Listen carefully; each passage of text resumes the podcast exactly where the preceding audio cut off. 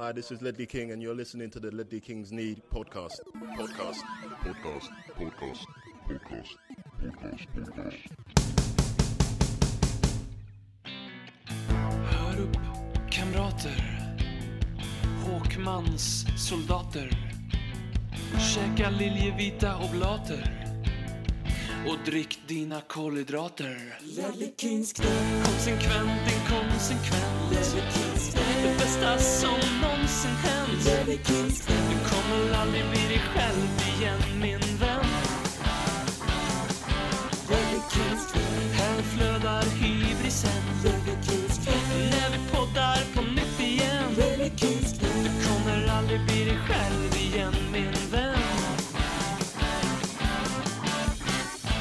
Varmt välkommen till Ledley Kings knä. Vi vill att du som lyssnare tänker att du är en eh, svårt sjuk patient. Du kanske är döende. Och varje dag så matas du av besök från en läkare som berättar för dig om ditt läge och hur det står till. Den här podcasten är inte som den läkaren. Den här podcasten ska vi inte prata om hur det är i Spurs just nu. Den här podcasten är ett besök av dina anhöriga som berättar hur det går med husbyggandet, vad grannarna har köpt för bil och vad hunden äter och inte äter där hemma. Varmt välkommen Robin heter jag. Med mig i Karlstad har jag, eh, jag skrev så här, finsmakarnas favorit, mannen som placerar sig strax till vänster om Fidel Castro på den politiska skalan. Vänster om vänster, till och med med Fidel Castro. Du får honom att se borgerlig ut, Ja, men lite så. kan man säga. Marcus Håkman, välkommen. Tack! Sitter och dricker kaffe här också. Ja, det går jättebra Ja. det. Sörpla på. I... Eh, Nu när man har blivit 40, vill jag säga, då är det okej ja, att sörpla. det, just det. Det är då man ska sörpla. Det är väl soppor ska sörplas, kaffe ska sörplas. Och så ska man gärna ha en eh, sockerbit inne i käften samtidigt som man dricker kaffe. Eller till och med dricka kaffe på fat. Känner du till det? Ja, självklart. Jag är inte 40 än, men jag har ju sett, jag, har, jag känner ju 40-åringar. Ja, ja. Mm. Det fatas. Mm. Det klär dig gott att du har blivit 40. Du ser genast mycket äldre ut. Jag känner mig mycket äldre också. Ja, jag förstår det. Ja. I eh, Sveriges eh, regniga framsida Göteborg har jag med mig grabben från Glenn som älskar falukorv och Marcus Edwards mer än livet självt. Det är ju såklart Jimmy Jonevret.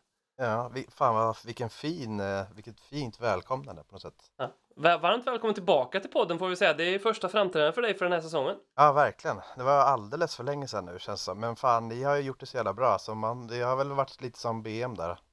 Man har fått, man har fått stå över helt enkelt. Träna lite. Ja, Se- Senast vi såg så, senast vi tre sågs fysiskt faktiskt och hördes på det här viset också var ju faktiskt eh, det första juni, det var ju Champions. League-final där, i mm, Karlstad. mörkt.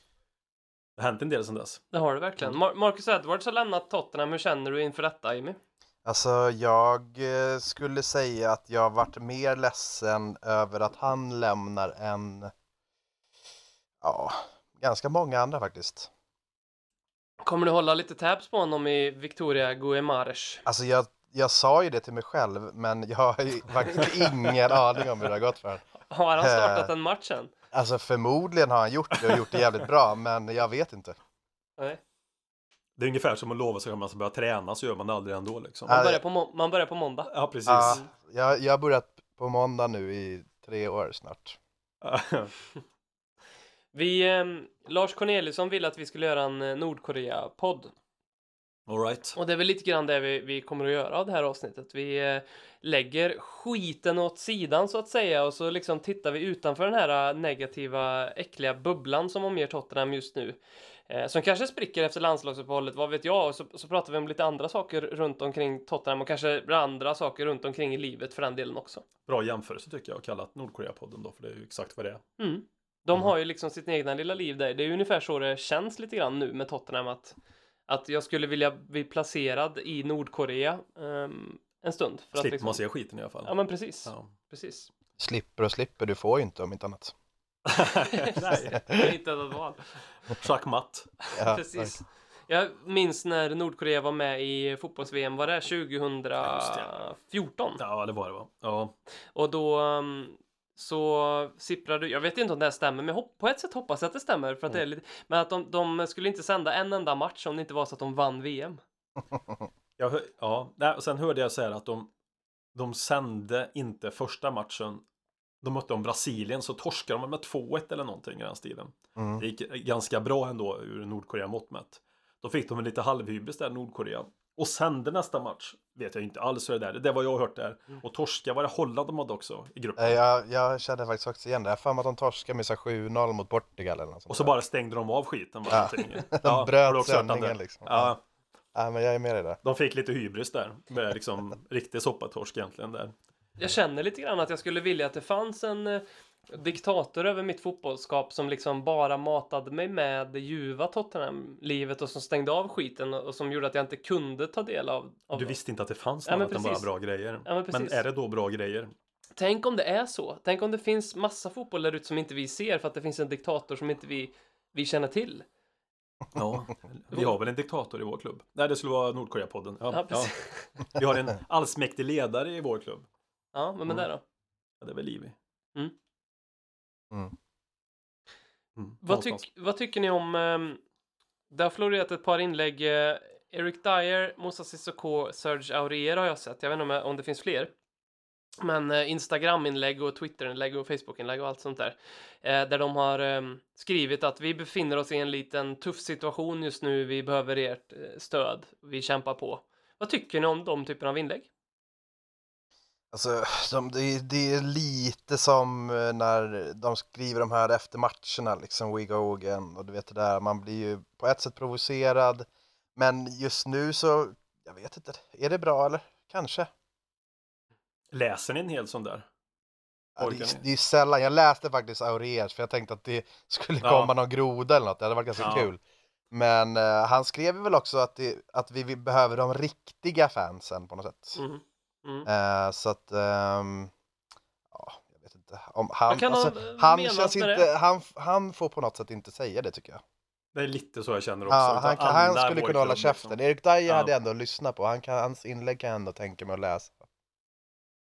Det enda Eric Dyers inlägg bestod av var ju Tottenham är i kris. Men är inte det som är skönt med Nick Dyer också? Ja, Jo. det är liksom raka rör. Det är Ja. inte så mycket liksom, krimskrams och försöka få det att låta bättre än vad det är. Lite så. Jag håller med Mm. Jimmy. Det som provocerar mig, det jag fastnar nästan vid trots att jag skumma igenom um, Auriers text, det var real fans. Och då var det samma sak. Du om någon ska väl sitta och hålla käften jävligt stängd när det kommer till sådana saker. Mm. Mm. Vem är du och definiera vad som är riktigt eller inte riktigt? Liksom. Mm. Det är klart han har en åsikt, men det blir ju mer provocerande när han säger det. Mm. Än nästan typ någon annan i klubben säger det. På något sätt. Mm. Finns det någon mer provocerande som säger sånt i Tottenham? nu? Det har, vi ju, någon, har vi någon annan? det var ju Cissoko, grejen skillnaden mellan de två var ju att Cissokos inlägg var ju uppenbart skrivet av en eh, PR-person. Han har ju en social media manager. Ja. Liksom. Ehm, som har skrivit alltså det var liksom korrekt engelska, upplägget var liksom ganska snyggt, det var skrivet lite så här till och med med bra dramaturgi och allting. Medan Serge, Serge Auriers, liksom, man ser att det där är något han har skrivit ihop själv. Ehm, för det är liksom, det, det är ett kommatecken och sen är det ett mellanslag på fel ställe och en stor bokstav där det är fel liksom. Det, det är lite så här slarvigt ihopskrivet liksom. Det blir lite vackert nu när du Ja men det, alltså, sådana på något sätt. ändå hellre det på något sätt Ja, då, känner jag. Alltså, att ha någon jävla social media manager som kommer ut och liksom vad fan, då kan du ju lika gärna skita om du inte, om du inte menar det själv. Liksom.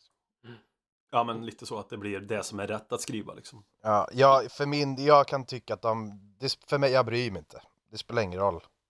Nej. Det, det finns ju någon bra historia, jag kommer inte ihåg vilken eh, fotbollsspelare detta var, men eh, det blev väldigt tydligt att han hade en social media manager därför att efter en match så la han ut en tweet eller något Instagram-inlägg. Det här var inte en Tottenham-spelare, men någon i, i Premier League i alla fall, som la ut um, inlägget började med texten Skriv någonting i stil med. Och sen så var det liksom så här. Så han har ju fått någon, något som han har bara copy-pastat och lagt ut på sina Det är ändå lite härligt på något sätt. Lite charmigt faktiskt. Ja. Jag tänkte vi skulle börja med att dyka in i eh, en fråga som eh, egentligen skulle tas upp av eh, förra veckans poddare BM och, Per som båda är på, på tjänstledighet från podcasten den här veckan. Men de hade ju såklart inte tid med detta eftersom att vi eftersom att det har gått som det har gått för Tottenham. Vi torskade 7-2 mot, mot Bayern. Ehm, så att då fick ju de krishantera lite mer. Mm. Men det var ju tänkt att vi då skulle prata om kaptensfrågan i Tottenham. En Mm. fråga som eh, berör väldigt mycket, eh, skulle jag säga. Det finns de som har väldigt eh, tydliga åsikter om eh, att Hugo Lloris bör ha den tills han lämnar Tottenham. Det finns de som vill att han ska dra av sig den nu med en gång och ge den till Harry Kane. Ehm, nu har Juris ehm, slagit armbågen ur led och Mm. kommer inte att spela för Tottenham under det här året i alla fall. Så nu, nu har vi ju inget val. Så det blir ju också, sätter ju den här frågan i en helt ny dager. Men jag tänkte vi skulle börja med att att- att diskutera den lite grann vad ni, vad, vad, vart ni står där. Vad, vi börjar med Jimmy. Vad är kaptensfrågan för dig? Vad Alltså, det, det finns ju på något sätt som vad vi förstår och, och sådär så känns ju själva kaptensvalet just nu ganska självklart att, att man vill se Harry Kane på något sätt. Han är ju våran fanbärare mer än vad Juris är och har varit på något sätt tycker jag. Det är väl kanske alltid för att han, han är lite tystlåten, han, han är säkert jävligt bra i omklädningsrummet att ha, han, är ju, han är ju kapten i franska landslaget också så att någonting gör han ju uppenbarligen rätt, tänker jag. Och när, jag, när vi har diskuterat det här lite i diverse chattgrupper och sådär också så har jag tänkt att det är, det är galskap och det skulle nog aldrig hända tror jag att man byter mitt under en säsong. Det, det är för mig, det, det skulle absolut inte göras. Om man, det skulle väl vara om man kör rattfull kanske man gör det. Ja, alltså där hade vi ett väldigt bra läge att byta faktiskt. Ja, men det är väl en sån sak, alltså på riktigt, som ska till om man ska byta under säsong, annars håller jag med dig. Nu finns det ingen anledning att byta liksom Nej, Boris mitt i säsong. Då får det ju vara något man, som sker under sommaren där i sådana fall. Ja, nej men sen så, ja, det, det, vi hade ju ett bra läge att byta, att visa på något sätt att vi tar avstånd ifrån det, du blir av, av med kaptensbindeln. Det hade ju till och med varit ganska snyggt, alltså Mm, från, från Tottenham att göra så, men mm. gör man inte då så kan, finns det ju ingen anledning att göra det nu mitt under säsongen. Gör det, gör det innan nästa säsong, även fast Hugo är kvar. Helt fine med mig alltså. Och vad, alltså. Kan det inte vara en katalysator då? I det här läget vi är nu när vi har liksom torskat. Man ser ju att någonting behöver hända i den här klubben. De, spelarna behöver ju någon form av elchocksterapi eller någonting. Ja. Kan det inte vara ett läge nu då? Vad, vad, skulle det kunna få någon effekt att eh, faktiskt byta kapten här och nu? Då är väl någon spelare som typ har den effekten, går runt och skrämmer, då, har- en elchocks inom sig och kan liksom få upp folk på, på tå på ett annat sätt. Då. Alltså, Mm. den jag tänker på direkt, han spelar ju inte längre, men typer som Roy Keane som skrämmer folk. Det är väl en tillfällig elchock om inte annat kanske. Mm. Ja. Inte vet jag, men annars är väl kapten. Nu får ni gärna rätta mig och Jimmy som har spelat lite mer. Kapten. Du behöver inte vara kapten för att vara kapten liksom, i ett lag Nej, heller. nej, Jag absolut. menar, det är väl en mer en symbolisk grej känns det som mer nu för tiden. Sen kan du ju ha en riktigt bra kapten, en Fanberg som också är det. Men Mm. Eric Dyer till exempel, eller Harry Kane eller någon, om de nu spelar. De, jag tror inte de blir annorlunda för att de har på sig bindeln. Jag vet inte. De nej. får ju lite mer ansvar i vissa liksom, sammanhang naturligtvis. Men Ja, nej men just som, alltså i och med att vårt alternativ är ändå Harry Kane så tror jag att där spelar det inte så stor roll, precis som du säger Håkman. ju- för han är, han är en kapten ändå på något sätt. Mm. Det känns som det. Jag tror inte han hade förändrat sig så mycket under till exempel en match eller innan match. Han är nog ganska lik sig själv. Däremot så kan jag till exempel ha sådana här som att Zlatan var kapten i svenska landslaget. Det kan jag ändå köpa för att då kanske han tar lite mer ansvar och känner Mm. att han måste göra det för att han är den största stjärnan. Är Granqvist kapten för Zlatan när de spelar samtidigt så tror jag kanske att Zlatan blir lite mer divig eller lite sådär, han skiter lite i det för att han är ju ändå inte kapten, då spelar det inte så lika stor roll för han. Där Nej. får han ändå ett ansvar så att hade, det, hade, hade vi haft, eh, jag har ingen aning om vem jag ska ta men just, just med Harry Kane så tror jag inte att det blir så jäkla stor skillnad ändå, jag tror att han är ganska lik eh, ändå på något sätt. Därför Lionel Messi är kapten i Argentina. Ja men alltså det, Typ. det, det skulle kapten kunna egentligen liksom. Alltså jag tänker det, och han är ju det i Barcelona. Nu är väl Mm. många anser väl att den bästa ska vara kapten liksom. Men, ja.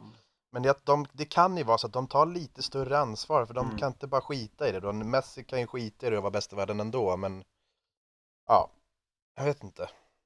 Jag funderar också lite grann på, för jag har tänkt mycket att på, på kaptensbinden som både är den absolut mest överskattade funktionen i ett modernt fotbollslag, men också tror jag också därför en väldigt underskattad funktion. Det, det är många läger som ja, Argentina här nu då till exempel, där man ger det till, till det Messi och där det inte, det inte har någon jättestor betydelse. De är typ tvungna att ge den till Messi. Det, det, det, liksom, det, något annat val finns inte.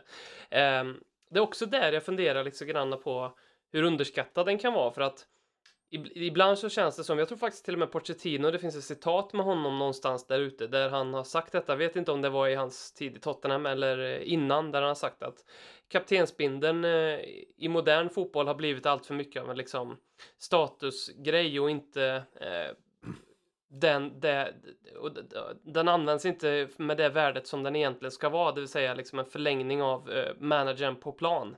Eh, så. Och, och där, det är just där jag liksom inte riktigt kan...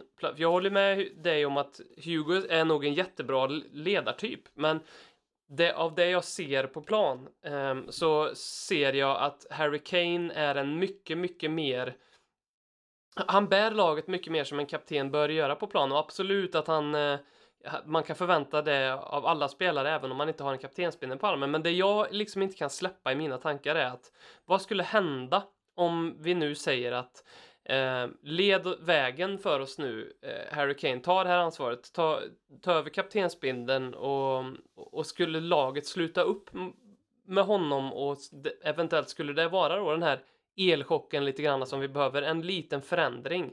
Det finns ju den här historien om eh, Kane missar ju Ajax-matchen som bekant eh, när vi vände och han eh, satt ju på läktaren och sprang ju ner i halvtid och höll ju ett brandtal. Vi vet ju inte riktigt vad det var han sa, men eh, han, Danny Rose har blivit citerad på att han sprang ner och typ skrek att vad fan håller ni på med? Ni är så jävla mycket bättre än så här. De är bara unga pojkar. Gå ut och visa det här nu.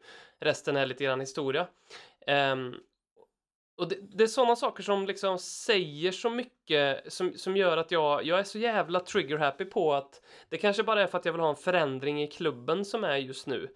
Eh, för att få ett nytt resultat på lördagarna när vi spelar fotboll. Men jag tror att det kan vara en injektion att, att göra den här förändringen nu. För som jag ser det, Hugo, jag, jag, jag ställer mig också väldigt frågande till man behöver absolut inte ha den bästa spelaren på plan som kapten, men vad händer när kaptenen faktiskt är en, en som är allt för ofta en säkerhetsrisk?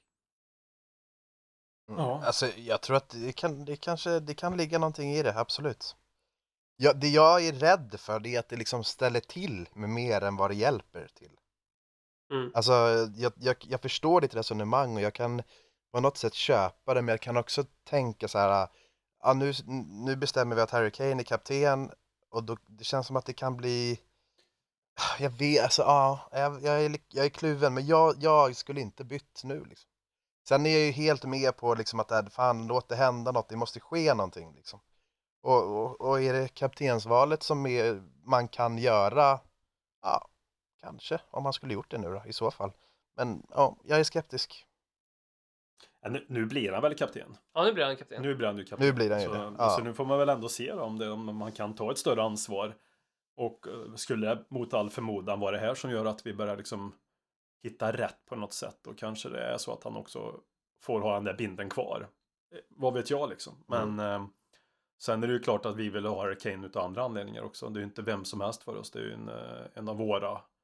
En stjärna utan like. Som är Tottenham liksom. I, i hjärtat. Mm. Men skulle jag välja en annan så vill jag ha kapten bara för att kanske Sen kan man ju liksom boosta en spelare med en bindel kan tänka mig att han känner ansvar och han liksom eh, Självförtroendet går upp för att bli kapten liksom. Och det tror jag inte Harry Kane det självförtroendemässigt. Jag hoppas inte att det gör så stor inverkan som du sa tidigare Jimmy. Och vem, vem kan det vara? Jag har ju en spelartyp som jag tycker, som, alltså, som är lite förtjust i också. Sen om man ska vara det eller inte, men det är ju den typen. Som, en Eric Dyer skulle jag vilja ha som kapten. Sen om man ska starta, det är ju det, men där har ju för mig den här klassiska robusta innermittfältaren. Som, mm. som inte tar skit. Han kanske inte behöver vara kapten. Han är ju samma typ ändå. Men jag tror att han skulle kanske eh, boosta upp sig lite om han fick den binden runt armen. Nu kommer ju inte det här hända så det är ju liksom en icke-diskussion egentligen. Men, men Erik Dyer skulle jag nog ja, kunna tänka mig också. Alltså, om man tänker att få upp en spelare någon nivå eventuellt. Men han är ju också den här typen och det är det jag saknar med Hugo Lloris. Han är ju den här typen som skriker på sina lagkamrater. Mm. Hugo Lloris säger ju för fan inte ett enda jävla ord på en det, match. Och det är ju det här, då blir man ju lite grann också, pratar jag för mig själv, och så får du följa med det här vilket att bara för man skriker, skriker blir man då en bra kapten. Nej, men det, det är ju så man känner som supporter när man ser det här. Att man vill ha någon som agerar och reagerar på saker och ting när de inte står, står rätt till. Hugo Lloris som ser det, står där lite rödvinsfull och ser lite halv ointresserad ut. Eh, det blir man ju också irriterad, alltså jag blir inte irriterad men jag förstår, det blir ju den effekten. Det är därför vissa tränare får mycket enkla poäng när de kommer i början. Som ja, men Tim Sherwood till exempel, han kom till Tottenham. Inte för alla nu, det är jag fullt medveten om. Men han har liksom en, en eh, gå på skrik um, som han mådde bra av där och då. Det är någon, han, han bryr sig. Han är engagerad, han visar känslor. Men ja, Erik Dyer ändå, ja, alltså, jag skulle nog kunna tänka mig se honom som kapten. Men just den där, den där boosten som du nämnde, det, det, det tror jag, det är helt övertygande om att det kan ge. Och det, Mm. det, det kan jag tänka mig att det kan ge Harry Kane också. Sen så Mm. har ju, just nu är väl inte Harry Kane i så god form, men han skulle kanske ta ännu mer ansvar om han hade Mm. verkligen fått den så. Så att just det där med ett liten självförtroende-boost, det, det tror jag absolut på också. Eh, så att eh, sen så skulle det ju, alltså det är inte helt omöjligt nu, beroende ju lite på hur länge Juris är borta, men säg att han blir borta, vad, vad säger de nu? I alla fall fram till nyår i alla fall, eller? Ja. Då skulle det inte vara helt galet om kanske vi vänder trenden här nu och det börjar se lite ljusare ut att kanske Harry Kane får behålla den då. Jag vet inte. Ja, Det är ju inte orimligt. Mm. Men och bara strippan om man inte hade varit skadad hade ju inte, det hade aldrig hänt liksom. Jag, jag, tror inte heller det alltså. Och det hade inte jag tyckt att det heller var bra. Det hade blivit ännu mer schism och eh, Ja, det blev något nej. läger och det skapat det är liksom Ja, även om man tycker långa loppet. Jag kan ju tycka att det är att Harry Kane är ju en mycket mer naturlig kapten för Tottenham. Som Mm. klubb och all status han har och allting. Nu har ju Mm. Loris varit länge i klubben och han är väl förbundskapten som ni sa i Frankrike av kapten menar jag, i Frankrike av en anledning. Mm. Men eh, symbolvärdet för oss med Harry Kane är ju Ja, Ja, Mm. det blir känns ju naturligt. Han, han, är ju mer, han är ju mer förlängd arm också. Upp från läktaren ner till planen. På tal om att skrika vara en ledare på och nära plan har ni också funderat över Pochettino. Och att han är mindre hetlevrad och mindre eh, passionerad är väl kanske fel ord för det är ju, nu ser vi bara ett litet fönster på en hel vecka, på en hel månad och det är varje gång Tottenham spelar men det är tydligt att han sitter mer med armarna i kors eh, än att, och, och han springer inte lika mycket. Han är ju liksom, om vi tar Conte på ena skalan liksom, som är rabiat och som man liksom tänker hur går det för Conte? Kommer han få en hjärtinfarkt snart liksom? Eh, så är ju Pochettino mycket mer motsatsen till det än vad han har varit. Mm. Mm. Det, det, alltså det är precis det du säger nu har jag verkligen reagerat på. Alltså. Mm. Det, det ser ju inte bra ut, så enkelt är det ju.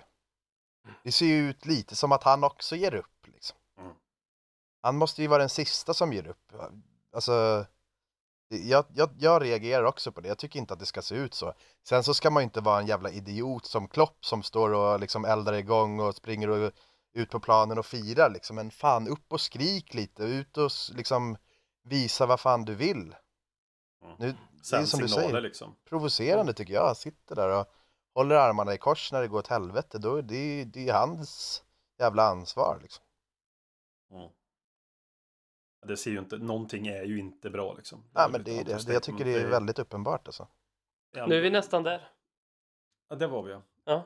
Allting är bra. Allting är jättefint. Allting. Välkommen till eh, Nordkorea Kul. där eh, Marcus Hongkong-man och eh, Jimmy Jon Jung-Vret och jag pratar om, om Tottenham. Ja, ja men det, det, är- det är jättebra. Det är bra att han sitter med armarna i kors. Ja. Det visar på att han har kontroll över läget tycker jag ändå. Han kanske gör meditationsövningar. Ja, ja precis. ja, men han får ut signalerna genom, genom att tänka till spelarna. Liksom. Han har sagt det han har behövt i omklädningsrummet rummet innan så Ja, spelarna precis. vet precis vad de ska Ja, göra. precis. V- På tal om, eller om vi utvecklar det här lite grann. För ett tag sedan så kom det en liten, eh, ett litet rykte på social media om att eh, Amazon Mm. eh, diskuterade med oss om att göra en dokumentär om Tottenhams nästa säsong. Mm. Eh, De har ju en serie som heter, ja jag kommer inte ihåg vad den heter, men eh, Manchester City är ju det senaste laget att vara föremål för den här dokumentärserien som är otroligt, otroligt, otroligt intim. Eh, nästan chockerande intim. Det är nästan som man, när man är på gymmet och man liksom är där med en kollega som man är van att se i kläder och så börjar kollegan klä av sig och så ser man den naken. Det är ungefär den känslan jag har i alla fall när jag kollar på Manchester City-dokumentären. Att oj, ska jag verkligen se det här eh, fr från det här hållet, från det här perspektivet? Ska jag verkligen se när de strax ska gå ut och spela en, en viktig fotbollsmatch exakt vad Pep Guardiola säger och hur alla spelare reagerar? Och ehm, jag vet inte fan alltså hur jag känner. Jag har aldrig haft en sån dubbelsidig känsla inför någonting Tottenham-relaterat förut, tror jag. Dels vill jag ju jättegärna se det här. Jag vill ju verkligen se hur jargongen i omklädningsrummet är och vilka som är polare med varandra och vilka som eh, ja, eh, beter sig på olika vis och vad Pochettino säger. Men på ett sätt så tänker jag också varför skulle Tottenham vilja skära upp sig själv och låta allting blöda ut för alla att se? Ja, pengar kanske. Såklart. Ja. Men vad tänker ni om den här dokumentären? Är det någonting liksom... Är det, är det, är det ens rimligt att tro att det här kommer bli av och vad kan vi förvänta Har, oss? har man sett om det är några fler lag som är aktuella eller är det någonting man kan säga ja till eller nej till eller vad liksom vad? Det är nog en ren, ren förhand... Alltså, eh, Amazon köper några rättigheter för att vara där och då göra en dokumentär skulle jag väl tro. Ja, och vi kan säga ja, men vi kör. Det vore spännande. Ja, men precis, det Mm. tror jag. Med livet på andra sidan så är den här dokumentar- dokumentären redo 24-25 någonstans kanske möjligtvis. Med alla förhandlingar och kronor hit och dit. Så. Jag, tror- jag tror inte de hinner ro det i hamn till nästa år. Och då, då, vill, inte, då vill inte. Amazon, för de vill inte ha något lag i Championship. Nej, precis. Ja, men det är väl det. Jag skulle jättegärna se det faktiskt. Jag, jag Alltså- känner också lite delad, lite delad. Ja, på ett sätt vill jag inte att vi ska sälja ut oss, men det hade varit jävligt intressant ändå att eh, få se precis som du säger Robin, att eh, det här med vilka hänger med vilka. Det hade varit så jävla roligt att se hur nu, alltså den här perioden, Mm. hur det hade sett ut. Ja. Undrar hur fan det ser ut i omklädningsrummet nu liksom. Sitter de tysta i paus och säger ah, ja men det är lugnt, Brighton kommer göra 2-3-0 snart så det är ingen fara. Gå ut och eh, hoppas vi har kul liksom. Man undrar om det ser ut så. Så det hade varit intressant på så sätt. Det är ju roligare faktiskt, alltså även om man inte vill ha motgångarna. Det var det roligare som du säger Jimmy att se den nu utifrån situationen vi är nu istället för om det bara som vi kommenterade City-dokumentären för x antal avsnitt sen. Så jävla mellanmjölk, så jävla tråkigt, allting är bra, ingenting är tråkigt. Alla De bara vinner med 7-0 Vinner, och vinner liksom. och alla är pomsiga med alla. Mm. Jättebra stämning. Det är, det är ju egentligen ganska ointressant hur en gruppdynamik fungerar liksom. Ja. Det är klart att alla är vänner då. Så rent, rent intressemässigt så hade det varit väldigt roligt att se det här och nu. Mm. Det är kanske är ännu mer intressant nästa år. Ur att det kanske går ännu sämre. Jag vet inte, men om ni fattar vad jag menar. Ja. Ja, men tänk ju liksom allt som har hänt den här säsongen, delvis Ja. med sportsliga, men eh, också Vertongen, Eriksen, eh, incidenten att Jan Vertongen ska ha legat med Eriksens fru, vilket inte stämmer överhuvudtaget. De båda har gått ner ut och dementerat detta. I och för sig så vet ju inte vi ifall det stämmer eller inte, de har dementerat det i alla Men fall. opponera att han hade gjort det då istället. För, Ja. eh, Ja, men oavsett den, att den nyheten kommer ut, det hade ju varit hur kul som helst att följa. Det hade det ju varit. min, min första reaktion när jag hörde det att de hade nekat, det var tänkte jag, fan har Eriksen lappat till någon? Tänkte jag. Det var ju det jag blev förvånad mest över. Jag tror inte han har det i sig liksom. Eller? Det har- kan han ge Men det någon har, nej, det har han ju inte. Det var ju, Nej, där, alltså- det var ju där någonstans jag tappade också. Ja, exakt. Nu, nu är det alldeles för orealistiskt liksom. Ja. Vertongen kan ha legat med Eriksens Ja, ja, fru. absolut. Fullt rimligt. Att han har Fullt slagit rimligt. honom, nej, nej. Nej, men det skulle i så fall vara att Vertongen har legat med Eriksens fru och klappat till Eriksen. Det är ju mer realistiskt. Och Det känns om Eriksen hade lappat till honom så inte fan hade han orsakat en blå klocka på honom i alla fall. Det är också väldigt svårt att tro. Han hade liksom, han hade stängt dörren liksom. Ah, sorry, hade han sagt och gått iväg liksom. Så fram tills där så var det ju fullt Han, realistiskt. han vill ju ändå inte vara med henne. Nej, precis. Ursäkta att jag störde, så går han Han är ut. bara ointresserad Ja, precis. Det får mig att tänka på, um, på, på, andra belgare, belgare faktiskt. Det är någonting med belgare, de har en liten knullig aura, belgare. Alltså, det, finns ju den här berömda Anna Chadli hade ju det i alla fall. äh, jätteknullig aura. Och Toby Alderweireld tycker jag också är en jätteknullig aura. Eh, Dembele också för, för den delen. Eh, men eh, det får mig att tänka på Courtois och De Bruyne eh, incidenten. Ja, för visst.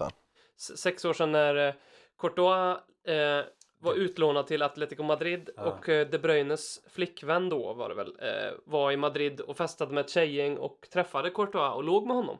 Och det som är, det är ju liksom eh, en story i sig, men det som är nästan roligare med det där var ju att när den där, den storyn kom inte ut direkt utan den kom ut faktiskt liksom typ ett par månader eller om det var kanske år senare eh, i någons självbiografi eller sådär. Och då um, la ju De Bruyne ut en bild på sin nya flickvän, för de, jag tror de gjorde slut i samband med det här, eller kort därefter, borde de väl ha gjort i alla fall, kan man väl hoppas. Men De Bruyne la ut en ny bild på Då uttalar sig den här tjejen då som har legat med både Courtois och De Bruyne, typ så här, eh, ja, tillbaka Courtois gav mig någonting en kväll som Kevin De Bruyne inte lyckades göra på tre år. Nej då. Ja, det är självförtroendet. Men Ja. eh, De Bruyne har ju ingen eh, knullaura. Verkligen Nej, inte. det är fan, han är nog undantaget i Belgiens trupp alltså. Ja. Där har vi ju en som är anti liksom. Så jag Ja. kan förstå. Så det tjejen menade har, var hennes, egentligen jag har att... hennes rygg känner jag nu. Ja, hon Men jag, det, det, en- jag tror att tjej, det tjejen menade hon då som hade varit med båda är att hon fick ligga med Courtois men inte De Bruyne. Ungefär. Ja, men Ja. kanske. Och inte kanske. luggit på tre år. Det Exakt. var så enkelt. Ja, det kan vara så. Har inte Häng Min Son en sån eh, liten aura också? Att, eh, det, jag får mig att eh, hans... Jag vet inte om hans pappa är hans manager, men jag har läst någonstans att Häng Min Son inte har en flickvän, aldrig haft, och inte heller någon fru så, för att han är så drillad att han ska fokusera på sin karriär. Ja. Ni kommer ihåg det här Låter- segervarvet, eh, segervarvet, åh herregud. eh, det, vad säger man, avslutningsvarvet på eh, sista matchen förra året. Ja. När alla tar med sina barn Ja, ner på planen och sådär. Ja. Och Son Ja, bara gick och klappade om alla andras ungar och hälsade på alla andra fruar. Man var helt själv. Jag gjorde Alltså, det var faktiskt hjärtskärande. Alltså jag mådde så dåligt när jag såg det. Jag ville bara krama om honom och säga att fan det kommer lösa sig gubben. Men han skötte det jävligt snyggt ändå. Ja verkligen. Han han verkar ändå smälte ju in på ett, på ett bra sätt och han, han, han såg ju inte ut att lida utav det. Jag tänkte liksom när Häng Min Son harvar runt i typ indiska ligan eller MLS där på fotbollskarriärens höst när han är liksom 35-36 år. Han har liksom inte så mycket att ge. Han gör en 10-11 mål per säsong Mm. och så börjar han fundera på fan undrar hur det är att ligga. Mm. Jag tror att det är så illa. Ja, Då kan jag ringa Kevin De Bruyne och fråga Eller fråga hur det är att inte ligga menar jag i sådana fall. Precis. Nej. Eller då kan jag ringa Jan Fertongen och fråga det. ja. Eller Det- bara det- fråga Eriksens fru om han också får en chans. Eller ska, det vore intressant, man lägger ihop den, en, en elva i Premier League, den som har mest oskuldsaura liksom. borde jag absolut göra. Ja. Har, har ni något mer spelare på rak arm ni kan eh, peta in i en sån? ehm, Ja. Ja Det fanns, fan. jag, jag vet inte varför jag tänker på honom, men det fanns en spelare för några år sedan i Manchester United som heter Luke Chadwick. Kommer ni ihåg han? Han Ja. var ju väldigt ful bara. Han var inte det? jätteful, men Det är också- för enkelt också. sätt. Jag fattar vad du menar, men han var väl extremt ful. va? Han var bara ful liksom. Ja. Stackarn. Men då kan han, han kan ju fortfarande lite karisma, det vet man ju inte. Han kan, ju kan fort, han ha. han kan ju fortfarande vädra käft, så någon kan han väl lyckas få där i... Men jag menar, de här som jag tänker på, de har ju ingen karisma. Nej. Jag sitter ju inte att jag säger att den själv sitter med liksom jordens karisma på alla sätt. Men de har ingen karisma. Nej. Någonting har man ju en annan i alla fall. Det är ju bevisligen, har man ju kommit till två gånger i alla fall. Liksom. Så jag menar, de har ju ingen karisma. Nej. De Bruyne har ju ingen. Nej. Noll. Nej. Eriksen, ingen. Nej. Det är någonting med offensiva playmakers kanske. Ja, det Ja, kanske Är det är inte det. det? det. Ibland tänker jag nästan att Eriksen är stum. Jag kan inte ens höra vad han pratar. Liksom. ja. Nej. ja. Det, jag har fått ut någonting av honom. Liksom. Nej. Jag förstår ju nu om hon har liksom vädrat eh, doften någon annanstans, Eriksens fru. Har han en fru? Borde man ju också fundera på. Han har inte det faktiskt. De är faktiskt inte, de är faktiskt bara flickvän och... Ja, ja, men bara det liksom. Ja. Mm. Nej, det, nej. Nej jag, jag borde ju fördjupa sig där. Alltså, all respekt till uh, för, är respekt. Det är väl som att stjäla godis från någon liten, litet barn som man brukar säga. Är inte det? Men det, här, vill- det, det började, att jag det ska, ska vara det, sant nu, det kom jag. ju ut någon bild nu också att han hade en ny blåklocka eller? Ja, Han hade visst var det så? På andra ögat. Ja, ja det är. Vad fan är det som händer liksom? Ja. ja, det är faktiskt jättekonstigt. Fan, nu känner jag att jag börjar gilla för tången mer och mer. här, Alltså. Han, mer han kom till Belgiens landslagssamling, då hade han en blåklocka på andra ögat nu. Liksom. Ja, Ja. lite halvtufft just nu. Alltså vad, är- vad är det frågan om liksom? Men tydligen så Ja, fick är han ju- den i Brighton-matchen, vad jag förstod det som. Men ja, men just det, det fick jag ju. Ja, ja. Eh, det var ju Ja, han var- eh, Mo- Mopai, det stämmer ju. Ja, Ja. ja. Ehm, Det var inte lika roligt längre. Men... nej. nej. Ja, kul att du påminner oss om, Ja. den. Man kan man inte höra de som lyssnar, de få som orkat lyssna så här länge, dra ut en oskuldselva liksom. Ja, gör det. Vilka, man, vilka där? Var- Tweeta era oskuldsfulla fotbollsspelare till oss. Ja. Aktiva helst också. Mm. Eller? Ja, det, det hade varit trevligt faktiskt att se. Mm. Ja. Peter Crouch är tränare. Men han har ju karisma. Ja, han har, Han har något. Han har ju, Han han har har, ju en- någonting. Självdistans och han, som säkert går hem. Liksom lite ironi och lite humor. Det kommer han ju rätt långt med. Mm. Det jag tänker på Luke Chadwick, det är ju att han, han har ju inte, han låg ju inte, men, men när han väl hittade sin tjej och de upptäckte att ligga, fy fan vad de låg då. Nästan otäckt kan jag tänka mig. Alltså. När de väl kom på grejen med att få ligga liksom. Det var inte- Helvete det vad var det knullades i. Manchester då. Alltså. Ja, tänk, tänk dig Häng min son då. Ja, det, åh. Han som har så mycket energi också. Ja, sen kommer hans pappa kommer med där och coachar kanske, eller vad det är, ge tips och så här. Ja, men nu är det viktigt att du tänker på det här. Njut inte nu, det är bara ett viktigt moment i livet du ska göra liksom. Allt är liksom drillat. Ja, eller Om så är det vill- därför han är så jävla dålig nu, att han precis har börjat knulla. Så kan Ja. det vara. Det är ju som ett Seinfeld-avsnitt. Eh, när George blir smartare av att inte knulla. Och Elaine blir dummare av att inte knulla. Har ni, eh, Nej, jag har inte Nej, har nej. sett det? Nej, nej. Men jag tänkte sån där, han blir sämre Ja. av att knulla. Mm. Och bättre av att inte knulla liksom. Men det finns ju många sådana historier om, eh, om en VM-samlingar hit och dit. Det är ju nästan varje VM så är det ju något landslag som förbjuder flickvänner från att vara med på så för, för fokuset liksom. Mm. Och det direkt man tänker på då det är att det, det är en manager som säger så här, ja men jag vill inte att ni håller på och knullar hela jävla VM. Och det, man förstår ju liksom att det inte, det, det är så här, ja, Ja, det, det kommer de väl göra, men det kanske handlar lite mer om att det blir en extra person för dem att hänga med och, och kanske liksom ja, eh, ta ansvar för eller hjälpa. Ja, liksom, de vill kanske att allt fokus ska vara på fotbollen. Liksom. Vilket Man kanske faktiskt kan förstå. Jag har en till på den här listan här. Mm. Phil Jones har väl... Definitivt. är väl en given mittback där i det laget. Oj, oj, Både till utseendet och auran och allting och intelligensen och. Klumpig liksom, han ramlar Ja, alltid ja. konstigt. Och Ja, man får aldrig till det liksom. Nej, jag, jag håller med, köper den. Där har vi en. Ska vi eh, köra lite Håkman show? Ja, det blir svårt Mm. att toppa det. Det var ju riktigt. Det var det nästan det roligaste samtalsämne jag varit med om hittills under de här fyra, fem åren. Vad kul! Ja. Det är enkelt. Det är Ja. allt vad det behöver vara. Ja. Ja. ja, men vi kör, vi kör, vi kör. Talkman show, Talkman show, Talkman, Talkman, Talkman show.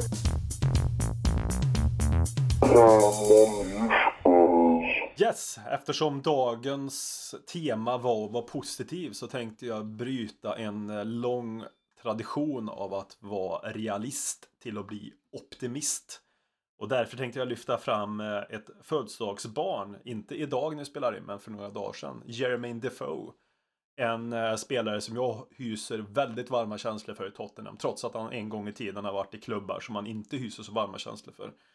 Det känns som att Defoe är eh, en evighet som aldrig tar slut på något sätt. Han är fortfarande väl målproduktiv fast i skotska ligan Rangers gör mål på mål på mål. I Sunderland mål på mål på mål. Det var det Bournemouth enda ställe han inte gjort så mycket mål.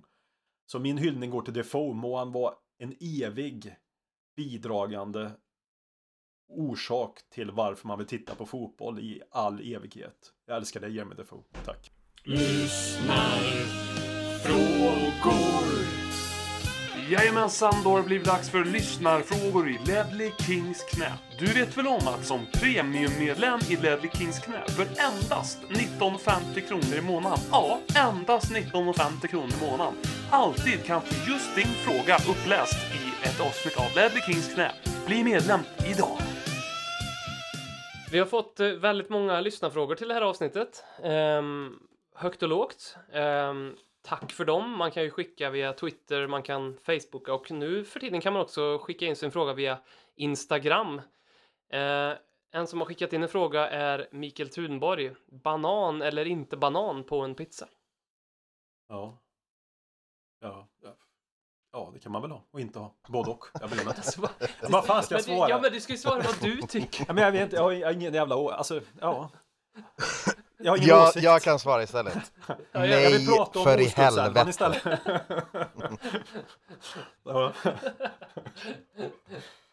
Vad säger du Jimmy? Nej, verkligen inte. Den som har banan på pizza är galen.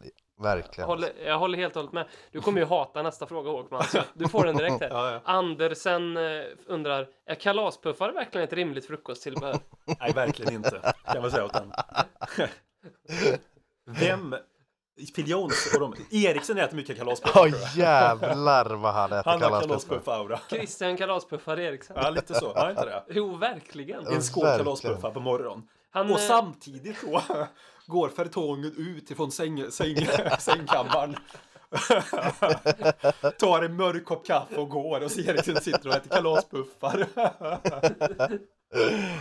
Åh fy fan. och, och inte vågar säga någonting.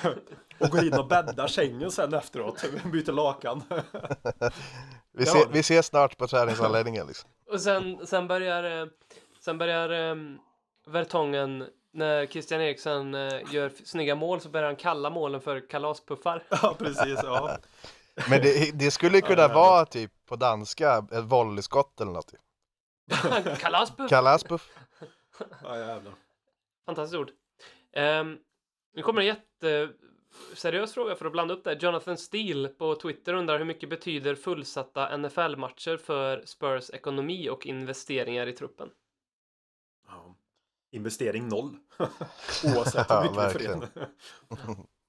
Men däremot så var det, jag läste en, någon, någon som skrev på Twitter att, eh, det, att det kanske var någon form av baktanke med att vi fortfarande heter Tottenham, eller fortfarande, men att vi heter Tottenham Hotspur Stadium, eller vi, men arenan.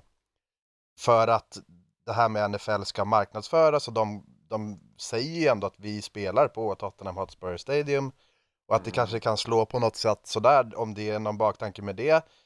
Alltså inte helt jävla osmart kanske, men å andra sidan så har jag nog ingen direkt åsikt om, om, om själva frågan. Men Du tänker då att, att, att eller den här, det här ryktet säger då att Livy vill mar- eh, marknadsföra Tottenham mer i USA då alltså? ja, exakt.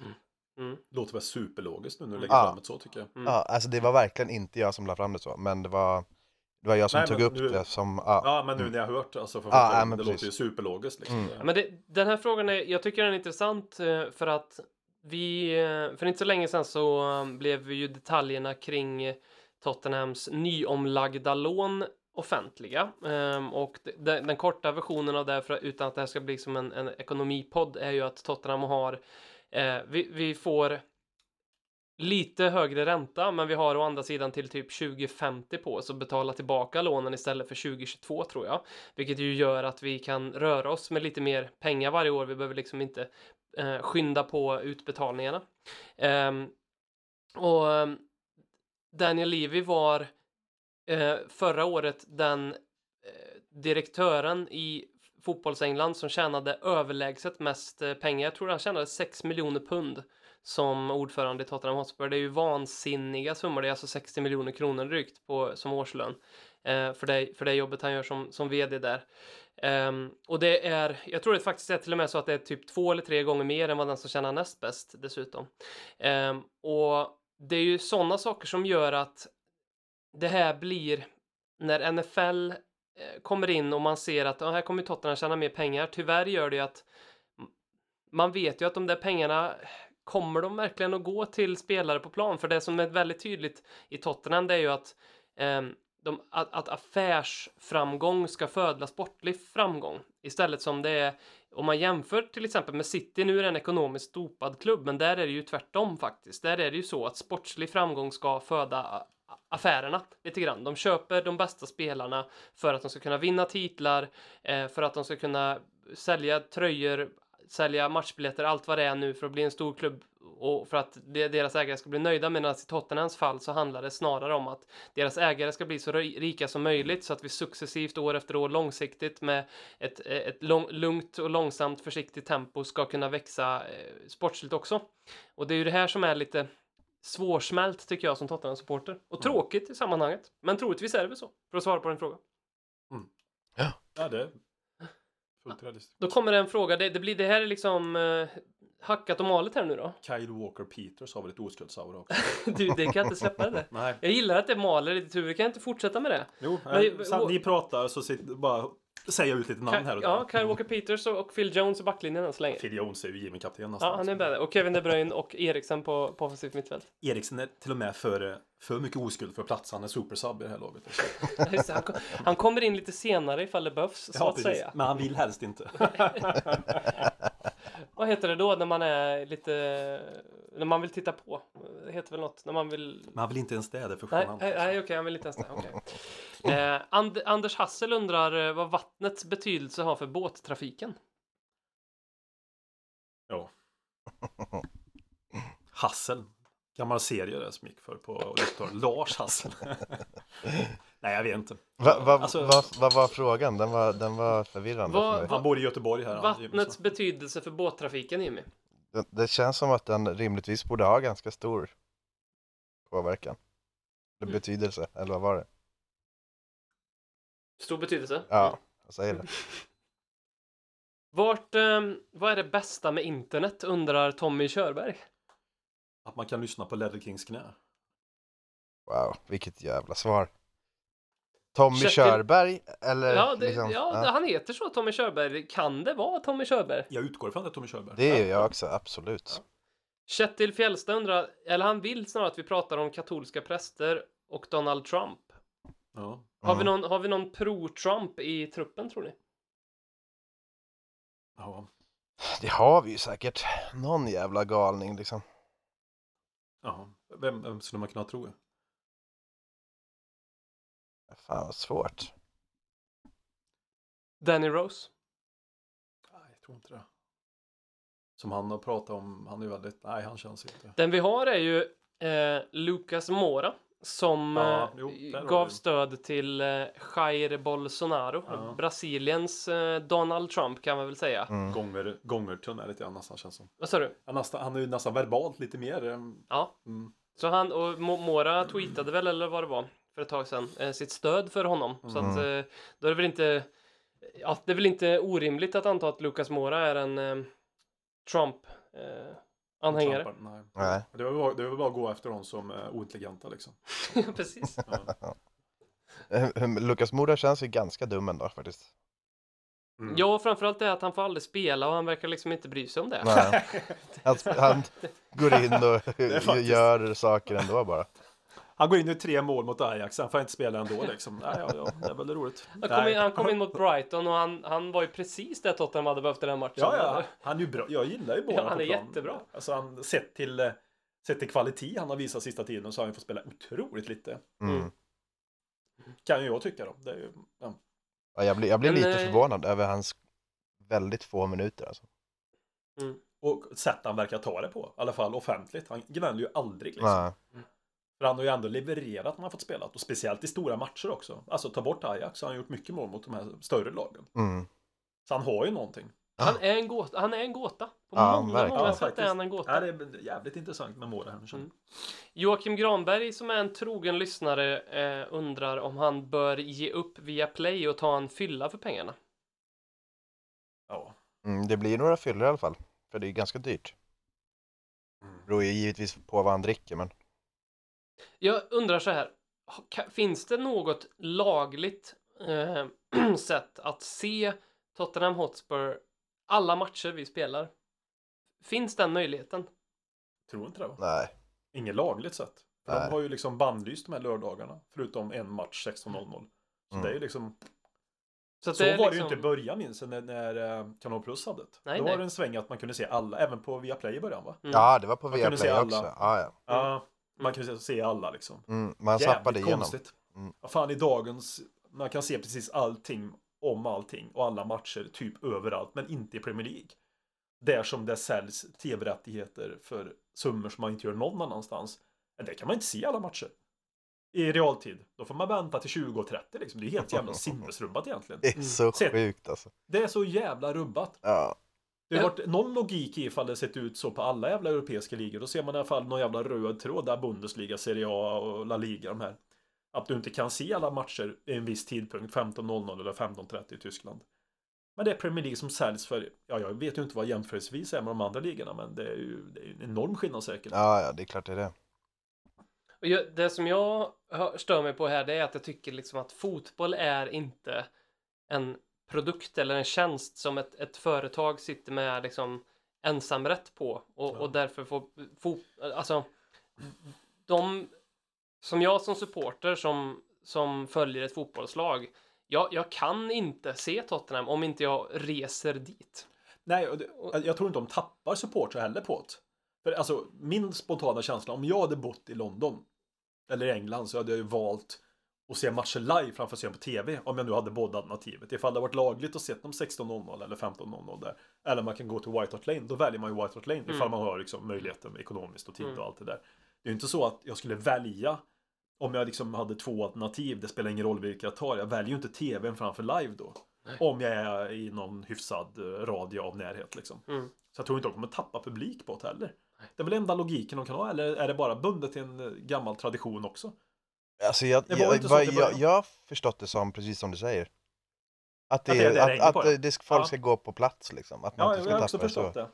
Men, Men- är inte det konstigt att man inte då att, att man har den, den, man ska säga, nu kallar jag det för monopol, det är kanske inte riktigt rätt, men att, man, att, att det även gäller i Skandinavien. Att Okej då i England, men även Ja. om jag tycker att det är helt jävla befängt, för folk borde kunna få se fotboll liksom, punkt slut. Eh, det ska inte någon ha rättigheter att säga så här, nej du får inte se det här. Och så. Men eh, borde inte det liksom, om jag bor i Sverige så jag, jag, jag tar inte flyget en gång i veckan för att se, eller två gånger i veckan för att se Tottenham och ifall det är så att inte Viaplay sänder matchen liksom. Det, det måste väl vem som helst fatta. Mm. Jättekonstigt tycker jag att det är. Men vi, det vi kan säga då är att eh, jag tror inte vi kan säga det, kommer jag på, men eh, det finns ju lite alternativ. Eh, jag har ju inte haft Viaplay på ett tag. Eh, så vill man ha lite tips så kan man ju DMa oss. Det finns ju någonting, ja, till exempel en IPTV-lösning eh, Mm. som man kan ha som eh, inte vi ska sitta här och, och göra reklam för, det gör jag inte heller nu, utan jag bara säger att det finns. Eh, sen så finns det ju streams. Eh, och för mig funkar det. Jag ser allt, jag ser varenda Tottenham-match. Jag betalar inte 449 eller vad är det? 499 kronor i månaden. Ja, fyra, ja det, är fyra, kan fan vara 499 alltså. Ja, det är en del. Ja, det är så galet. Jag gör ju det nu igen. Jag hade ju ett uppehåll på uh, ja, ett och ett halvt år i alla fall innan jag började känna att jag blev trött på, jag hittade inga bra streams och sådär, så då kände jag att jag kör. Men det var ju mest för Champions League om jag ska vara helt ärlig. Mm. Och då, då får man hela Viaplay va? Man får filmer och serier för det? Ja, eller bara exakt. sporten? Ja, du kan inte ni- bara ta sport liksom. Nej, nej. Då får som, du alltså- allt. Ja, men däremot kan du bara ta film, till exempel. Ja. Det är som Simor till exempel. Fan, de tar 450 de för sitt. Ja. Och då kan du inte heller bara, det får du hela paketet. Mm. 450. De har allsvenskan, hockey och handbollsligan typ liksom. ja, de, de har ju- faktiskt nu La Liga och Serie A också. Ja, det har de ju nu. Men de hade Ja. även samma pris Nej, men det var ju i samma våras. pris innan så att det var ju... Så ja. det var helt sjukt. Men det var det som jag tyckte var när vi när vi hade våran konflikt med Viasat som via, via Play som jag fan är jävligt stolt över. Eh, Mm. Två år sedan tror jag det var. Mm. Det, det, det gick ju så långt att de var tvungna att uttala sig liksom. Eh, eh, och, och, och det, vi fick igång ett jävla drev mot dem med det här. Och, och, och det var egentligen för att de gav så, såna tvetydliga svar. Ena dagen så sa de att nej men det sitter några, en, en liten jury här eller vad man ska säga som bedömer vilken match som, som har mest intresse för svenska folket och väljer ut och sen så nästa vecka svarar de att nej men det här, vi kan inte välja att påverka det överhuvudtaget så. Um, men det som jag blev så jävla trött på dem, det var när jag sa hej, jag jag följer Tottenham Hotspur och det är de jag vill se. Punkt slut. Jag följer inget annat lag. Eh, och ni kan inte erbjuda mig. Kan ni erbjuda en pay per view tjänst eller någonting så att jag bara kan betala för de matcherna jag faktiskt ser? För det tycker jag är jätterimligt. Mm. Då fick jag svaret. Ja, men teckna det här för du har ju La Liga, du har ju Bundesliga, du har ju Serie A. Och då, då känner jag så här. Ja, men hallå, Lyssna på frågan. lyssna på frågan. Mm. Eh, ni, de förstår ju inte eh, det moderna supporterskapet. Men Tycker det, är- jag. det, med är, men det är fortfarande helt sjukt att du inte kan se liksom, lagligt alla jävla Tottenhams Mm, matcher. det, där är, och då. det är så jävla galet. Det går, emot, det går emot allt andra jävla ligor oavsett vilken jävla sport vi pratar om. Fan Hockeyallsvenskan kan du fan- fan se vilken jävla match som Ja, helst här i Sverige absolut. överligen. Mm. Ja, ja. Ja, Men du, du kan säkert göra massa jävla idrott i England också. Allt möjligt från alla speedway till cricket och vad fan de nu har. Mm. Mm. Men det är jävla Premier League liksom. Det går inte att se alla Nej. andra matcher där. Allt annat kan du göra till. Allt! Baseball, hockey, Mm. NHL, Det är så sjukt. alltså. NFL, allt liksom. Jag, jag har gjort en bra investering i år. Det var ju att signa upp på Eurosport Player en halvtimme innan avspark Colchester Tottenham. Har du sagt upp det nu också eller ligger du och tickar där? Kan fan väl ligga och tycka alltså. Så jävla mörkt alltså. Som ett smäck liksom. Ja, 129 spänn. Tänkte vad fan det är väl bra, då kan, man, kan jag ändå få följa ett par matcher här nu framöver. Liksom. Då får du följa Colchester istället. Men de har väl. FA-cupen också? Har de inte det? Jag tror de har båda cuperna. Ja, de har det. Ja, då- då- så du, då- du, är, Det är ju fint, då kan man i alla fall få en match med Tottenham där också då. Perfekt. du, du får, ja precis. Ja, jävlar vilken mörk match att. Ja, Den såg inte jag som, som tur var. Tillför Jesus Perez laget någonting eller är han bara Pochettinos maskot? Eh, han verkar ha samma roll som den gravt senildemente Tord Grip hade hos Svennis. Detta är Running Man som, som frågar. Var jävligt hårda ord känner jag. Väldigt svårt. Vad fan har Jesus Jag Perez blir nästan gjort lite dig? provocerad där faktiskt känner jag. Är han möjligt, är Jesus Perez möjligtvis en tränare i det här oskuldslaget förresten? men jag blir mer provocerad på Tord Grips vägnar. Liksom. Ja, du, ja just det. Ja, Tord, ja, ja, för, det måste det är ju, Tord Grip är ju, Otroligt gemytlig verkligen. ja, det, super, är väl en värmlänning också? Nej, Nej, det är han inte. Man bor i Karlskoga. Ja, kanske han gör. Ja. Men, eh, Spelar dragspel. Eller är han värmlänning? Nej, Ja, ja, jag är osäker. Ja, dragspel spelar. Det är också Ja. jävligt gemytligt. ja, jättetrevligt. Och den här dokumentären de hade med honom när han liksom hade hand om Kosovos landslag där i början. Ja, just Just var det. också. Då när han var han inte huvudtränare men någon form av mentor va. Mm. Gemytlig.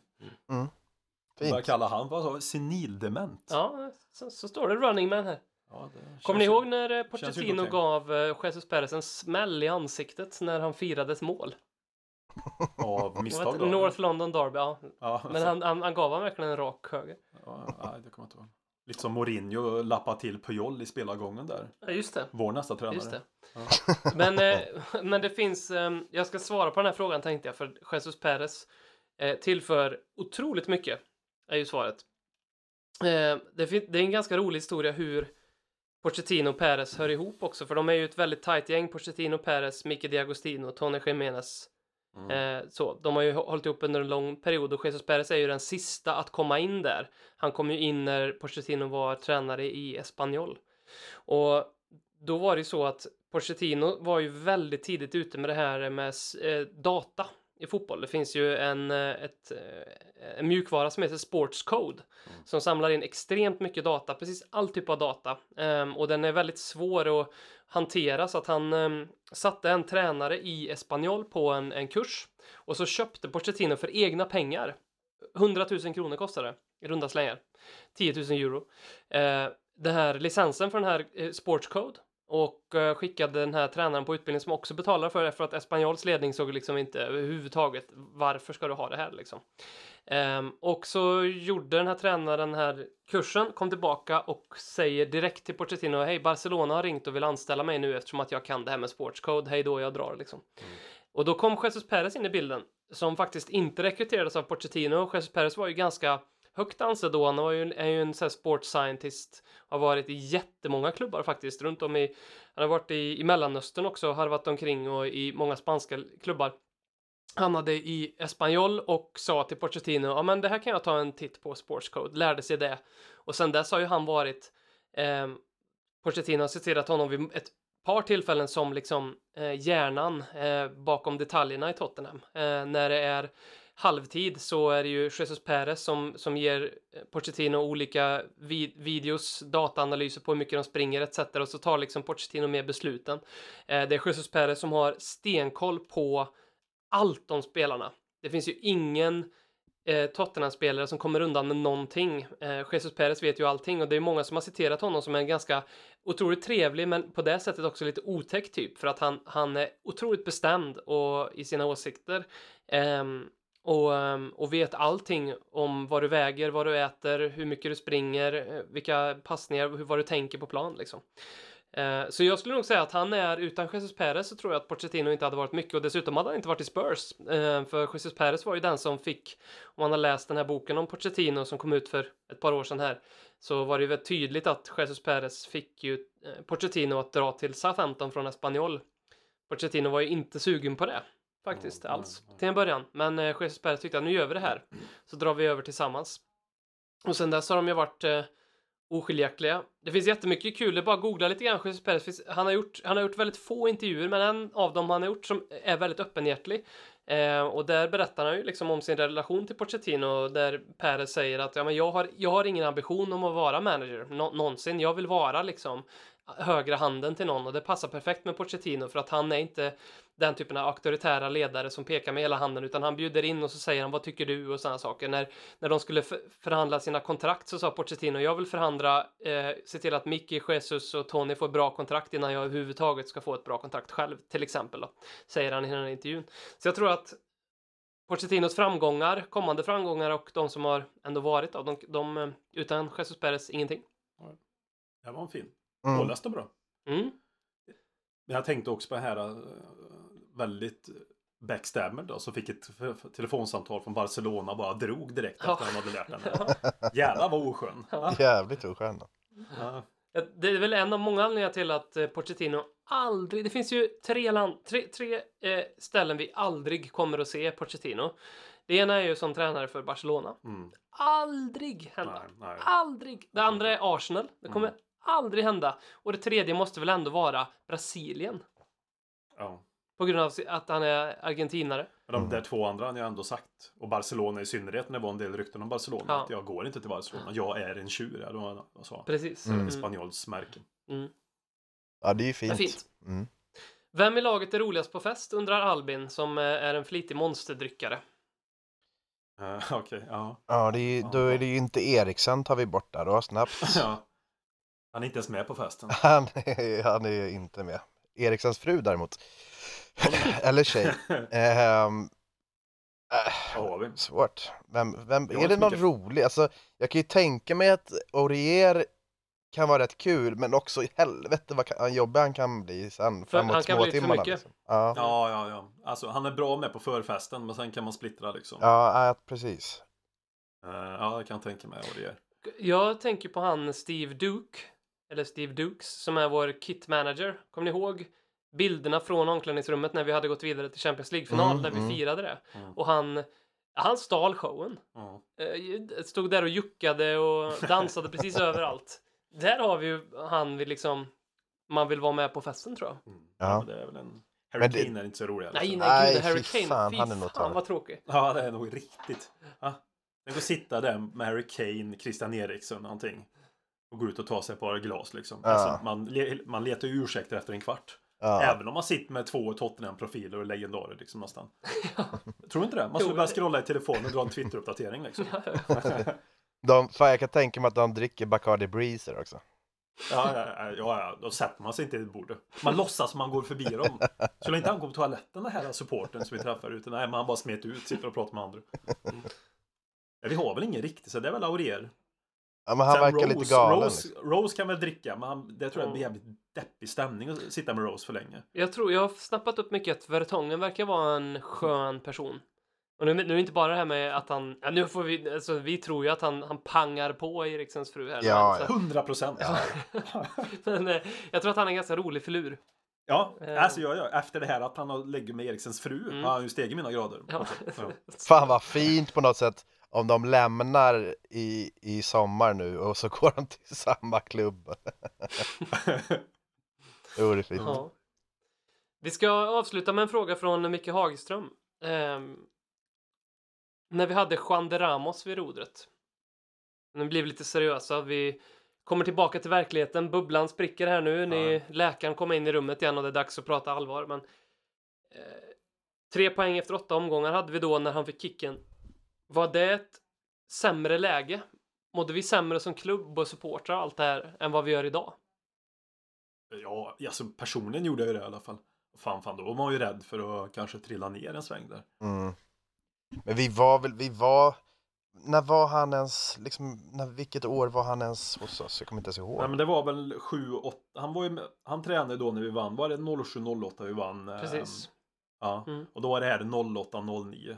Han var ju inte hos oss så länge. Han var, Han var- knappt han var- ett, nästan exakt ett år va? Exakt ett år? Exakt ett år Mm. Martin Joll fick ju kicken på hösten. Sam. Ehm, och det var ju ganska fula omständigheter. Eh, Mm. Joll fick ju reda på det via ett sms för det hade ju läckt att Livi hade kommit överens med Ramos innan han hade sparkat Joll. Är ju ryktet då.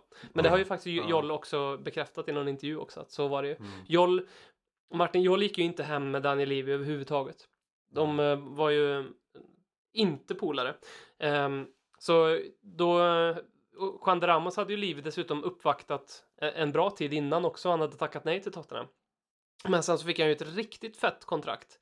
Eh, och så var han med oss. Han vann ligacupen på, på sin första säsong och sen så det som hände och det som är jag ser ganska mycket likheter med, med dagens Spurs och det för att det som hände då var att vi tappade ju Carrick i den vändan och vi ersatte aldrig riktigt Carrick. Ja, Och han var liksom, de vi hade på, det var Huddleston och Sokora som, hade, som liksom skulle ta Carrick-rollen. Carrick var en jätteviktig kugge Ja. för Tottenham. Och sen så tappade vi också eh, Berbatov, Keen, Defoe och ersatte med Pavlyuchenko och Bent. Och det var också i den här Ra- Ramos-vevan liksom. Och, och det var också, återigen för att återknyta till det det var inne på förut, att liksom affärerna framför sporten för att Livi tyckte ju att han gjorde jättebra affärer när han sålde av Defoe, Keen och Berbatov som ändå var uppe i, i åren komna och så fick han Bent för en ganska bra peng som var liksom eh, på G uppåt och, och Pavlyuchenko men ingen av dem funkade ju och, det, och, det- och det, det påverkade resultatet direkt så vi, vad fan gjorde vi inte, köpte vi inte tillbaka Defoe och Keen det första vi gjorde typ? Januari där ja, när. Harry, Mm. Harry Redknapp. Mm. Och så köpte vi Bentley då också. Just det. Den eh, som var riktigt så här upcoming Mm. högerytter, Ja, via. Beckham och allt det där. Mm. Som blev något helt annat än bra. Mm. Ja, men jag tycker det finns väldigt mycket likheter. Jag kommer ihåg den här uppgivenheten. Jag kommer ihåg Jonathan Woodgate i en intervju ehm, där han sa eh, efter vi hade typ torskat mot Middlesbrough eller Sunderland tidigt in på säsongen ehm, och han sa typ ja just nu är känslan i laget att vi släpper in ett mål och så känner vi allihopa ja here we go again och den känslan har jag lite grann med Spurs idag också. Starkt psyke, låter som där. Nej, verkligen inte. Verkligen inte. Nej. nej, men det var... Nej. Nej, det kändes ju mer kris då. Alltså, för nu har vi ändå... Sett till förväntan så är det väl ungefär samma typ av kris. Men vi har ju mer kvalitet nu än vi hade då så vi kommer ju inte hamna där nere liksom. Nej, det, av det tror inte jag heller. Alltså, Det är, sen så är, det här är det största krisen sen vi blev bra, så kan man ju säga. Eller största, Ja. det är ju, vi har ju inte haft något liknande ens i närheten. Eh, men ja, jag, jag minns inte så jävla mycket av den perioden om jag ska vara helt ärlig med Juan de Ramos där. Alltså minns minns man ju, men jag kommer inte ihåg vad fan man tänkte då liksom. Gomes köpte vi också inför det här. Mm. äh, Han var eh, så jävla genomusel i Ja, början. han. Tappa in allt. Ja, Allt. Allt verkligen. Skott som knappt hade styrfart. Utrusningar som var helt bedrövliga. Mm. Han var ett skämt, Gomes. Mm. Och vi köpte den från PSV där han hade varit eh, liksom, dominant i alltså Europa League och vi hade mött dem på våren. mm, Ja, Han var väl också ett... Så menar, det, där såg man ju en effekt, minns jag, på, eh, på ett byte av människor. Nu säger jag, vi ska inte göra det nu, det vill jag inte. Men där såg man ju en effekt när Harry Redknapp kom in.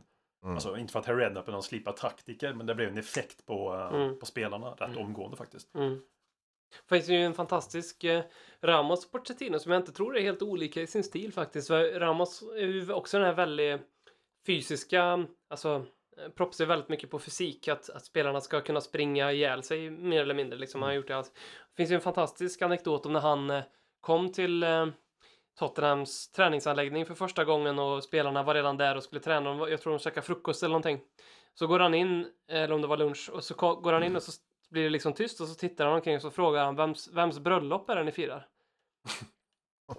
och, och um, det han menar då var liksom att maten de käkade var ju liksom det var ketchup, det var kalaspuffar. Huddlestone fick väl extra mycket kritik kanske. Kan Precis. sig. Ja, och det var ju tydligt vad mycket han gick ner i vikt också, Huddlestone. Och Steve Malbranc också, för mig, gick ner så här. Det finns jätteroliga bilder på nätet där man ser liksom innan Ramos, efter Ramos-effekten. Mm. Han uttalade sig om att han, han, han kunde liksom han hörde rykten om att spelarna efter träningen drog till McDonalds som låg i närheten liksom, och han skällde ut dem efter noter efter det. Så blev det ändring på torpet, men vill de inte spela för honom sen. Nej. ja. Tom Huddleston tror jag. Det kän- det känns ju också som vi- Knullaura. Vi hade det, vi hade ju ett mer rednap-kompatibelt lag då också än, Mm. än vad Ja. vi har nu. Alltså det känns inte som att Mm. vi, vi ska inte kunna, vi ska inte ta in någon jävla icke-taktiker nu bara för att rädda den här säsongen utan det, vi, vi är något mer nu liksom. Då kunde det, vi göra det för då hade vi vissa spelartyper som kanske var lite mer åt det hållet men Mm. det har vi ju inte nu. Nu ska vi, nu, vi kan inte få något bättre än Pochettino, det måste ju bara folk förstå liksom. Det är klart att vi Nej, kan alltså- sparka han och byta ut han men ja, vad fan ska vi ta då? Mourinho, eller vad fan vill folk liksom? Jag förstår inte. Fan. Nej men det är bara, jag bara Alltså, tänker rent generellt. En, en rimlig Ja, jag- ersättare, vem fan är det ens? Allegri, kanske, eller vad heter han? Ah. Ja. Ja, det, det, han är ju rimlig på det sättet att han är en bra manager. Men Ja. han är ju inte rimlig för Tottenham Hotspur överhuvudtaget. Nej, det är det jag tänker, men, men, men att man ska ha ett namn, någon som har lyckats förut, det är ändå i den situationen vi är i nu ju. Mm. Alltså vi, vi kan ju få Allegri, i- tror jag. Ja, men det borde vi kunna få. Kanske Jag i tror alla Mo- fall. jag, men, ja. Mourinho tror jag är svinsugen och Jag jag, tror ju också. också faktiskt att även om jag inte gillar honom överhuvudtaget så tror jag att han skulle vara jättebra. Alltså jag tror verkligen det.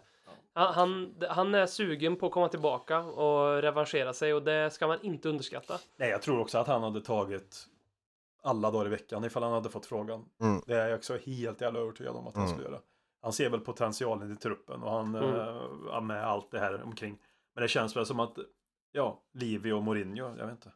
Hur länge skulle det hålla liksom? Nej, känns också tveksamt alltså. Um, sen vill jag inte ha honom liksom. Här. Nej, alltså, nej. av ren, alltså han må säkert ha hittat tillbaka till glädjen och kan säkert gå in och göra ett jättebra jobb vilken klubb han kommer i härnäst. Mm. Men jag vill inte ha Mourinho. Nej. Fan, han är ju inte min tränare. Nu, Nej. nej. Nej, han är ju, Verkligen han är ju, vet inte ens vad man förknippar honom till, Jag- nästan Chelsea typ.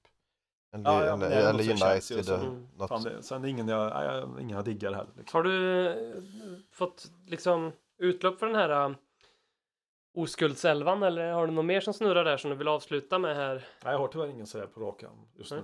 Mick, Eh, Micke Adamsson som är eh, reporter på Nya Värmlandstidningen som gjorde ett när, då det begav sig när vi startade den här podcasten 2013 ett litet reportage om oss ville att vi skulle prata om Leeds. Jag tänkte vi kunde avsluta med det. Ehm, ja. de är ju på toppen av väl Championship nu. Mm. Mm. ja, de ligger på kvalplats nu. Ja, de, jag tror Kolla. att de låg två Tappar eller lite, tre va? sist jag kollade i alla fall. Mm. De torskade mot Millwall i helgen och det, det är väl en så här lite halvkul match på något sätt. Mm. Ja, nej, alltså.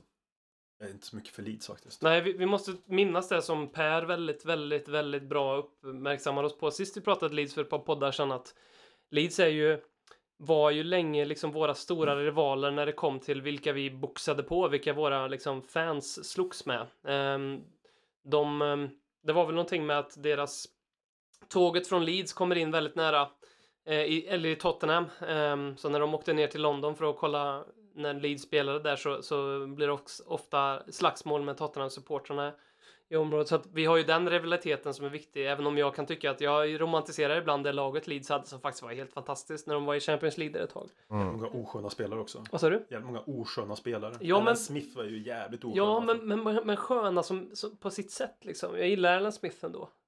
Det finns gillar- gillar en, en drös spelare i det laget som vi hade behövt nu om inte annat. Verkligen. Ja, det kan jag säga, men har lite, det har de ju. David Mm. Betty de här, han var Mm. väl också där då. Mm. Galen. David Betty, det är ju Eric Dyer någonstans där ändå. Lee Ja. Boyer var väl där också? Jag, jag tittade på tabell, jag tittade på tabellen här snabbt nu bara. Alltså på något sätt kan jag tycka att man vill ha Leeds i Premier League för att det blir ju en ganska het match och lite sådär. Så tänker jag bara på att just nu leder alltså West Brom leder serien och då blir man ju så här kräks att de går upp, om de går upp. Nottingham Forest ligger tvåa, det kanske hade varit lite halv eh, nostalgiskt för många, jag vet inte. Ja, men de, det är ju ändå en av de största brittiska klubbarna Jag i tänker det. Ja. historiskt sett. Så Ja. att den, den ska vara där tycker jag. Ja, sen är Preston trea, den, den har man ju ingenting att säga till om. Det blir väl Nej, en nej. vad som helst. Swansea 4, det känns ju också ruggigt tråkigt. suck alltså. Ja. Ja. Mm. Leeds ligger femma nu då. Mm, okej. Sen Bristol City? Fulham. Det är mycket skitgäng här va? Åh herregud. Man vill ju ha upp Millwall skulle jag vilja upp. Ja, det Ja. hade varit lite hets faktiskt. Men däremot så ser jag faktiskt skapa- att tok sist ligger Stoke City, det gillar man ju. Det är ju Ja, fint, ja, ja. väldigt fint. De vill Mycket man ju ha bra. långt borta från Premier League. Ja, de buar alltid åt Danny Rose vill jag minnas. Varför då? Jag vet inte. Ja, men de är ju liksom rasister hela jävla bunten. Ja. där. Det, det, Men det fra, framförallt roligast med Stoke det är att, vad fan heter han mittbacken? Ryan Shawcroft Mm. ja. När han liksom totalt kapar en Ramsey så benet går av. Ja, ja. Och publiken buar för att de tror att han har eh, filmat. Sen visar det sig så att han har extremt allvarlig benbrott. Men när han kommer tillbaka åren efter så buar de fortfarande åt honom. som att han har filmat. Det är ju det. Jag har ju fått det efter det. Jag vet inte riktigt. Det känns som att han borde kanske ha blivit behandlat efter, lite annorlunda med liksom facit i hand så att säga. Tottenham mot Brighton på vårkanten. Hugo Lloris är tillbaka i mål, får bollen, Brighton-fansen buar. Ja, men liksom lite så. Ja. Jag vet inte vad, vad jag tycker om det. Det är väl också lite sådär. Ja, men det är väl Stoke på något sätt där. Jag ja. hoppas att eh, det här eh, dryga timmen här har varit en eh, ljusglimt i en annan eh, mörk Tottenham-vecka. Vi har ju lite landslagsuppehåll här. Vi ska försöka hålla vid liv med podden eh, utifrån de förutsättningarna vi har tror jag. Mm. Eh, på bästa vis ändå. Kul att du är tillbaka Jimmy. Jättekul att vara tillbaka. Och vad ska folk göra nu? Folk ska in och skicka förslag på spelare till... Ni kan skicka det direkt till Håkman egentligen för du brinner ju så här för det här så att det är liksom... Jag har aldrig brunnit så här för Det är ju en eldsjäl. Ja, man gäller Skicka det spelare till Oskuldselvan till Håkman. otroligt underhållande. Ja. Mm. Så vill jag se hur det här utvecklas. Det kan bli en lång kul Twitter-tråd om inte annat. Där. Ja, ja, men jag ska in och, in och fila på vänsterbackar och högerbackar. här. Mm. Mm. Bra. Tack ska ni ha. Tack för det. Tja. Hej! Konsekvent, inkonsekvent Det bästa som någonsin hänt